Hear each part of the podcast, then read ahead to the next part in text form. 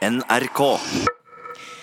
Produktplassering er nå også lov på radio. Det vedtok Stortinget i juni. Og det betyr altså at en programleder kan snakke om et merke eller et produkt i sendingen uten å presisere at de som har laget produktet, har betalt for å få produktet omtalt.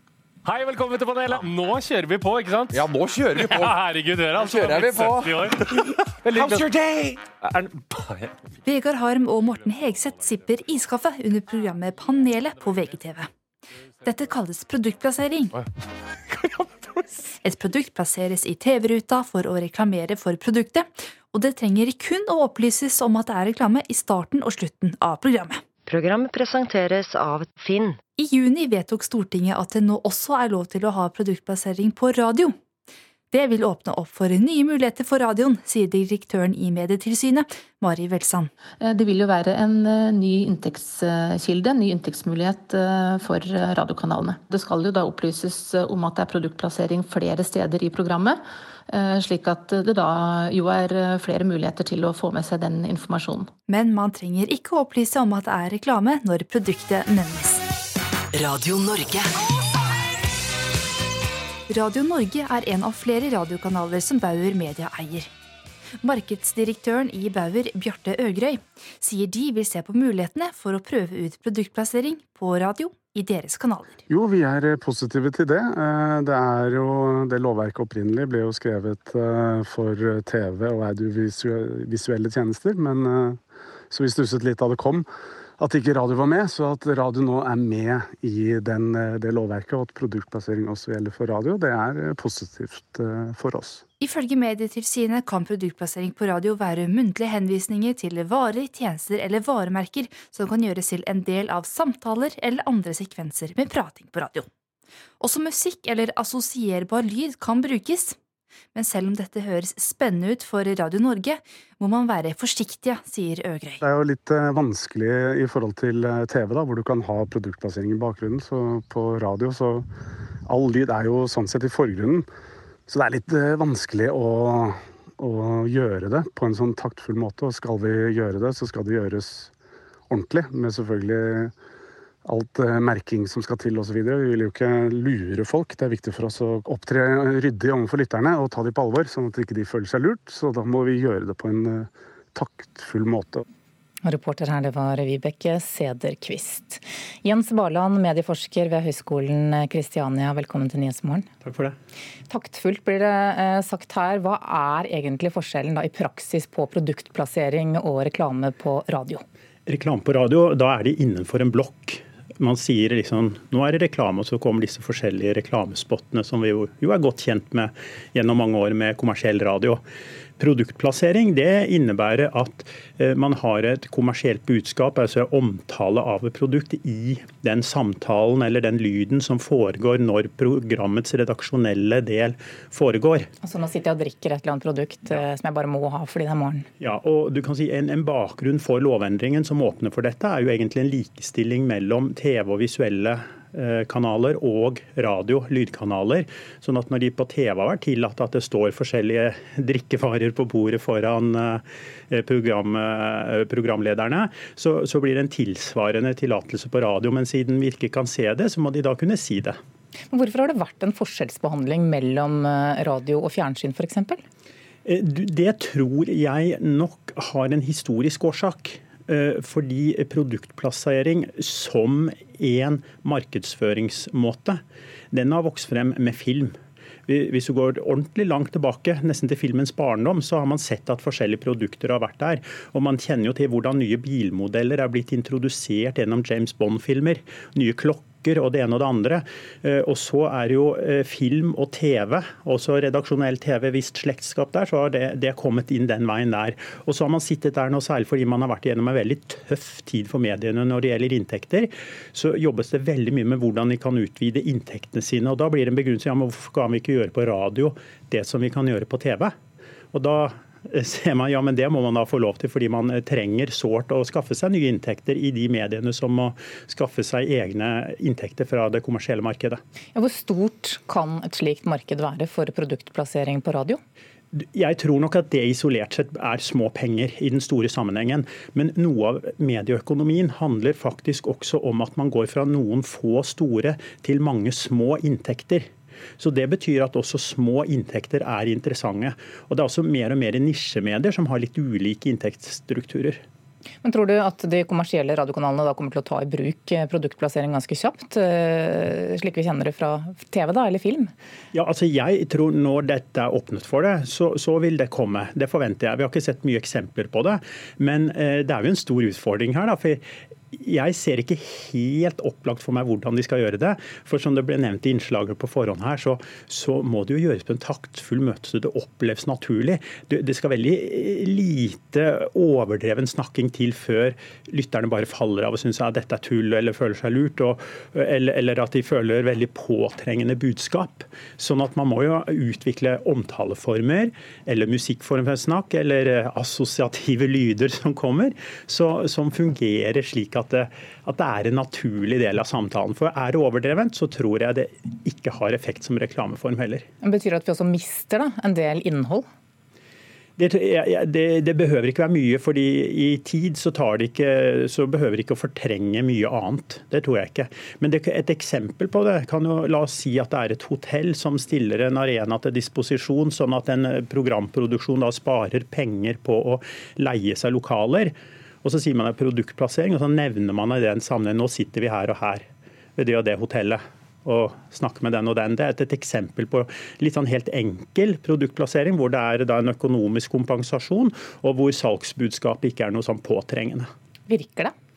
Det vet vi ikke ennå, men for å si det sånn, hvis dette kommer og, og, vokser og vedvarer, så er det et bevis på at det virker, for da kommer det penger. Men hvis det går over, da er det tegn på at det ikke virker. Ok, Da får vi følge med. Jens Barland, medieforsker ved Høgskolen Kristiania, takk for at du kom hit til Nyhetsmorgen. Neste låta vi skal spille nå, den handler om turnering. Så handler litt om å spille for dere. Handler om å være med gjengen. Den heter Side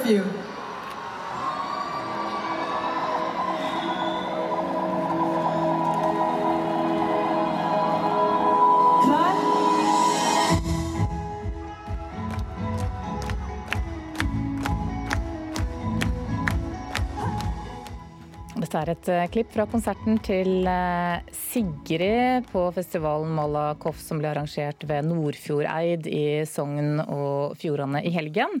Festivalen som opprinnelig er en festival med fokus på rock, hadde altså også besøk av artister som Sigrid i år. Og musikkanmelder her i NRK, Håvard Røsegg, god morgen. God morgen. Sigrid som er fra Ålesund, var nesten på hjemmebane under denne konserten. Leverte hun varene? Eh, ja, selv om Nordfjordeid er et stykke fra Ålesund, så kan man vel kalle det hjemmebane når hun vanligvis spiller i eh, steder som England og USA.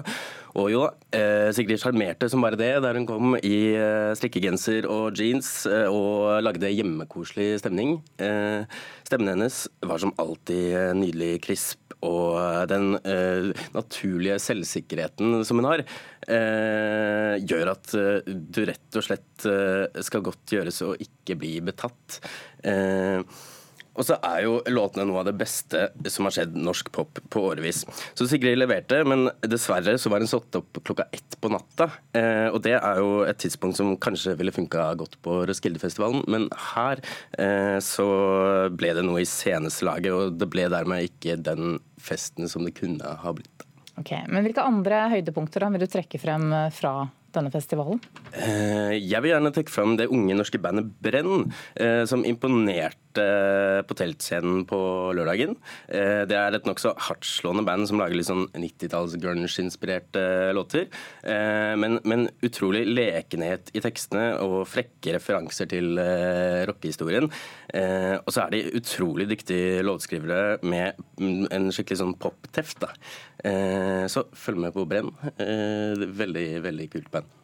Hvordan skiller denne festivalen seg eh, fra andre festivaler? Vi vet jo at det er masse festivaler nå i, i løpet av sommeren. Ja, eh, Malgoff er jo en veldig vestlandsk festival. Helt nydelig plassert i Nordfjordeid mellom to sånne høye fjell da, i en liten dal. og det er jo da fokus på rock rock først og fremst, som du sa. Men Nordfjordeid er jo også en liten bygd på 3000 innbyggere. Så det er mye dugnadsånd og mye sånn koselig, koselig velvilje som skal til for å ta imot 25 000 besøkende på de tre dagene. Mm, men Hvordan skiller den seg fra f.eks. Øya eller Stavernsfestivalen eller noen av de andre som mange kjenner? Det er rett og slett Eh, kanskje et mye større fokus på eh, rockemusikk. Eh, for eksempel så spilte da Weezer, som er et sånn 90-talls gammelt rockeband. Kvelertak hadde også en god konsert, og Kristoffer Skaus The Dogs, som alle spiller ganske hard metal-musikk. da. Håvard Røsegg, musikkanmelder her i NRK, takk for at du kom til Nyhetsmorgen. I dag er det åtte år siden terroren rammet Norge, og markeringen startet i 22. juli-senteret i går. Da fortalte bl.a. Jens Stoltenberg om sin opplevelse av angrepet, og hvordan han dagene rundt, eh, opplever dagene rundt 22. juli i år. Jeg opplever det både som eh, vondt å minnes alle de som ble drept, som ble skadd, eh, men også fint å være sammen og hedre mennesker som gikk bort, og de verdiene de trodde på. Det sa Jens Stoltenberg til NRK etter at han hadde deltatt i en vitnesamtale i 22. juli-senteret i går. I dag er det gått åtte år siden angrepet, og det er kanskje én tale Stoltenberg huskes godt for. Det er disse ordene til Rosehavet på Rådhusplassen 25.07.2011. Mer åpenhet. Mer demokrati fasthet og styrke. Det er oss. Det er Norge. Vi skal ta tryggheten tilbake. Stoltenberg hadde en tydelig visjon for hvordan Norge skulle utvikle seg etter angrepet. Og etter åtte år svarer han på denne måten på spørsmålet om hvordan Norge har endret seg siden angrepet. Jeg syns grunnleggende sett Norge er det samme landet som tror på frihet, som tror på demokrati, som viser tillit til hverandre. Og det er veldig fint, for det betyr at eh, terroristen ikke vant fram. Inspirert av Rosehavet foran domkirken og norske politikere har Tobbe Malm laget et minnesmerke som skal stå nettopp utenfor domkirken fra september. 900 jernroser er smidd til minnesmerket, og en av dem som har gjort det, er Utøya-overlevende Erik Kurseth-Gjære. Veldig gøy, men også en fin måte å få utløp for litt kjensler på. Det sa overlevende Erik Kurseth-Gjære til slutt. Reporter var Maiken Svendsen. Og denne dagen skal markeres flere steder. I regjeringskvartalet er det en minnemarkering nå i formiddag. Og reporter Knut Øyvind Hagen, hva er det som skal skje der? Her blir det mange ord til ettertanke fra talerstolen. Det blir musikalske bidrag, bl.a. fra Hanne Sørvåg. Og så blir det navneopplesning av disse 77 nordmenn som vi så tragisk mistet for åtte år siden på denne dagen. En av dem som skal holde tale, det er Lisbeth Røyneland, leder for Nasjonal støttegruppe. Du mistet jo selv datteren Synne. Hvordan er 22.07 for deg? 22. juli er alltid vanskelig. En veldig spesiell dag. Eh, men det er også godt å kunne minnes. Mm. Hvorfor er det viktig å markere den? Det er veldig viktig å markere 22. juli fremover. Eh, og det var jo et eh, politisk terroranslag 2011. Og det må vi ikke glemme. Og vi hedrer de som ble drept ved å ikke glemme og, og lære om det som har skjedd. Tor Inge Kristoffersen, du var på jobb denne dagen. Barna dine var i sentrum. Heldigvis gikk det bra med både dem og deg. Men eh, hvilke følelser kjenner du på på en slik dag? Nei, det er jo en veldig spesiell dag, og kjenner jo litt i magen. At det er litt sånn Ja, at det ikke er den beste dagen i året, for å si det sånn. og, eh, men samtidig så er jeg også litt nervøs for det arrangementet vi skal ha nå, at alt går i orden. Og veit at det betyr så veldig mye for så mange. Så det er en veldig spesiell dag. Du skal ønske velkommen. Hvilket ansvar føler du for at dette blir verdig og riktig?